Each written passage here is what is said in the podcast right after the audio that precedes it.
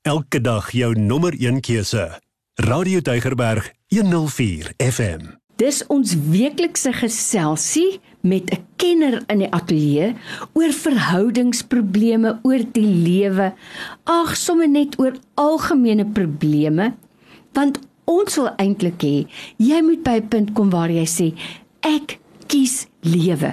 So ons wil probeer om probleme aan te spreek wat jou moedeloos maak, wat jou lam lê en wat jou spoed breek. Nou die kenner van wie ek praat hier by my in die ateljee is Dr. François Swart. Hy is 'n kliniese en pastorale terapeut. So Dr. François vir jou tyd vandag weer, kosbare tyd. Dankie, ons waardeer dit. Dankie Lorraine, hallo al die luisteraars. Dokter François, ek kry 'n boodskap van 'n vrou wat sê: "Help asseblief vir my. My kind wil nie meer skool toe gaan nie." En dit het my nogal regtig ontstel. Maar soos wat die tyd aangegaan het, begin ek om al hoe meer en meer boodskappe van luisteraars kry wat sê ek het nie raad nie. Bid vir my asseblief. Die kind weier eenvoudig om skool toe te gaan. Dis 'n komplekse probleem Want 'n mens voel terwyl 'n kind tog in die huis is, het die ouer die laaste sê, maar nou weet ons ook mos, ons leef in 'n era van menseregte.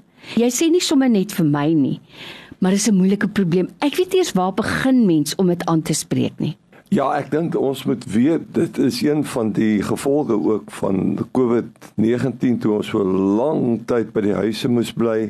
Kinders het gewoond geraak aan ander rotines en skielik moet hulle nou weer skool toe gaan en hulle weet daar's ook 'n alternatiewe manier hoe jy goed kan doen.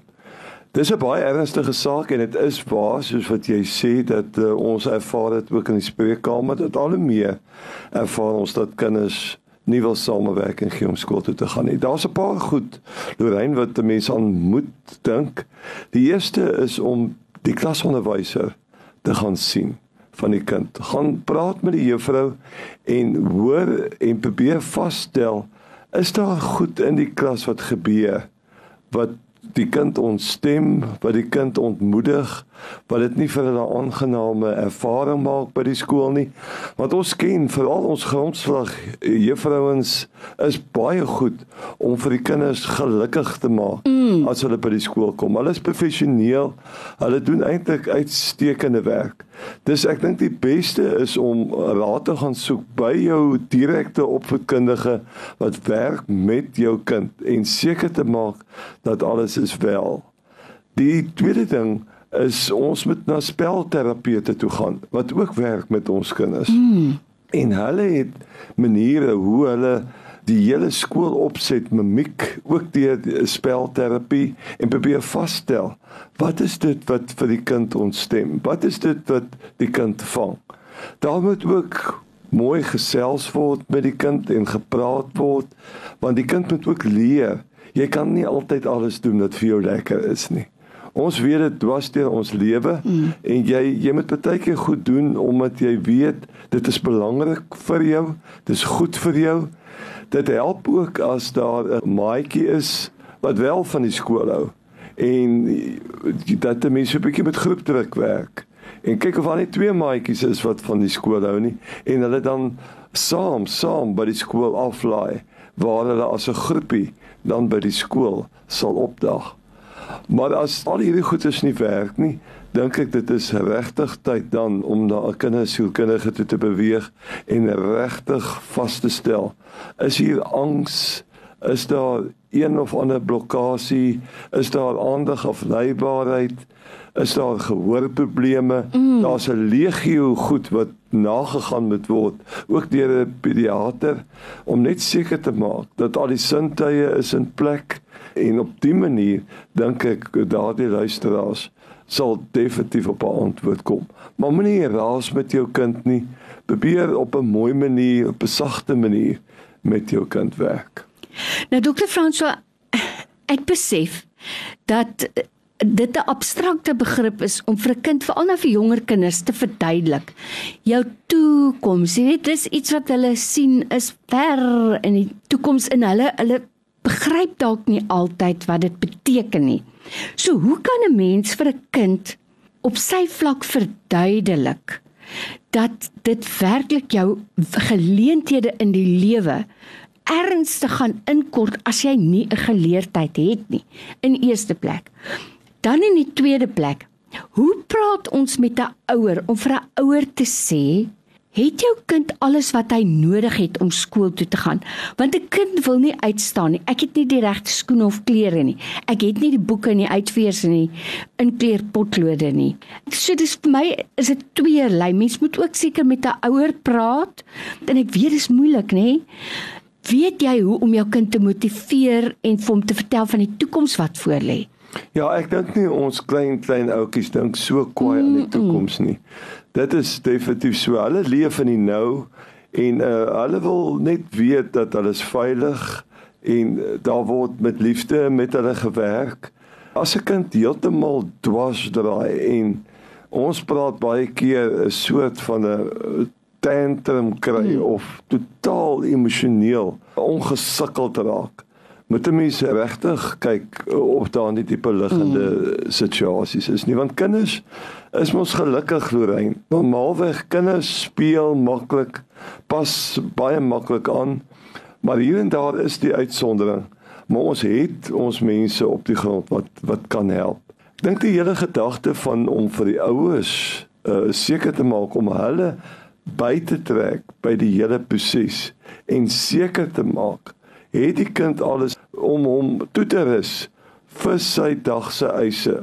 Want elke kind het ook sy eise en jy het dit so reg gesê, hulle wil nie noodwendig uitstaan nie, mm. maar hulle wil dan hulle basiese goedjies hê. Sorg dat hy kos het in sy kosblik, sorg dat hy tasie mooi gepak is, dat hy nie voel dat sy goedjies is ongeorganiseerd nie. En probeer ook werk met visualisering. Wat baie goed ook werk, mense kry boeke storieboekies hoe om die dokter te gaan besoek mm. en eh, dan blaai jy dit deur en probeer visualiseer met die kind. Dit is wat die oom die dokter gaan doen en op so 'n manier is jy besig om die kind voor te berei vir dit wat gaan gebeur. Nou soortgelyke stappe sou jy kon neem soos wat jy byvoorbeeld na die skool toe gaan mm. of na die inkopiesentrum toe gaan of na jou maatjies toe gaan is om met visualisering te werk, prentjies rolwerk te teken en te sê dit is hoe dit gaan werk en dan die kind se gevoel daar rondom te toets. Nou by my in die ateljee vandag het ek vir dokter François Swart. Hy's 'n kliniese en pastorale terapeut. Hy's toegerus om vir jou en vir my te help om lewenskwessies sommer kaalvuis aan te pak. En ek waardeer dit so baie baie dankie weer vir die tyd. Ten slotte net, ek is bevrees. Ons leef in 'n era van gehoorsame ouers en streng kinders.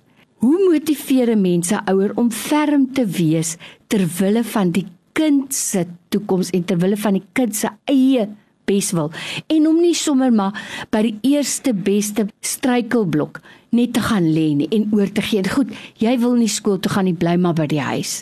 Ek weet regtig nie hoe mense met groot mense werk wat dit betref nie. Daarom is ek so bly dat dat terapeute is wat dit doen.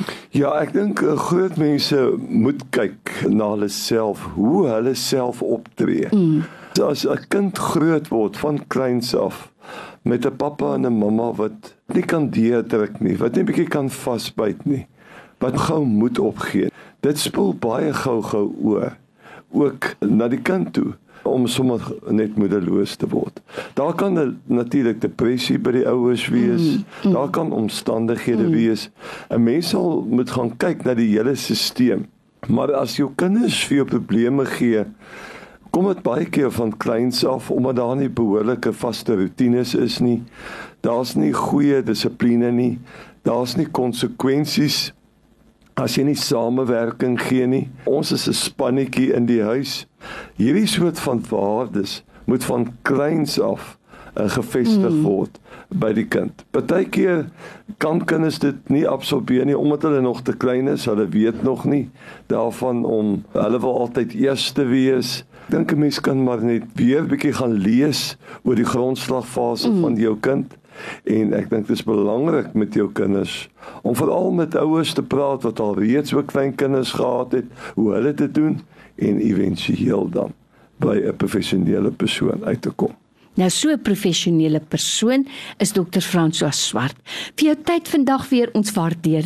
Baie dankie. En onthou as jy 'n vraag het wat jy wil vra, stuur eenvoudig vir my vraag begin met die woord kies lewe en in tyd sal ons ook daarby uitkom. Ons groet vir jou tot volgende week. Totsiens. Jy is ingeskakel op Radio Deigerberg 104 FM.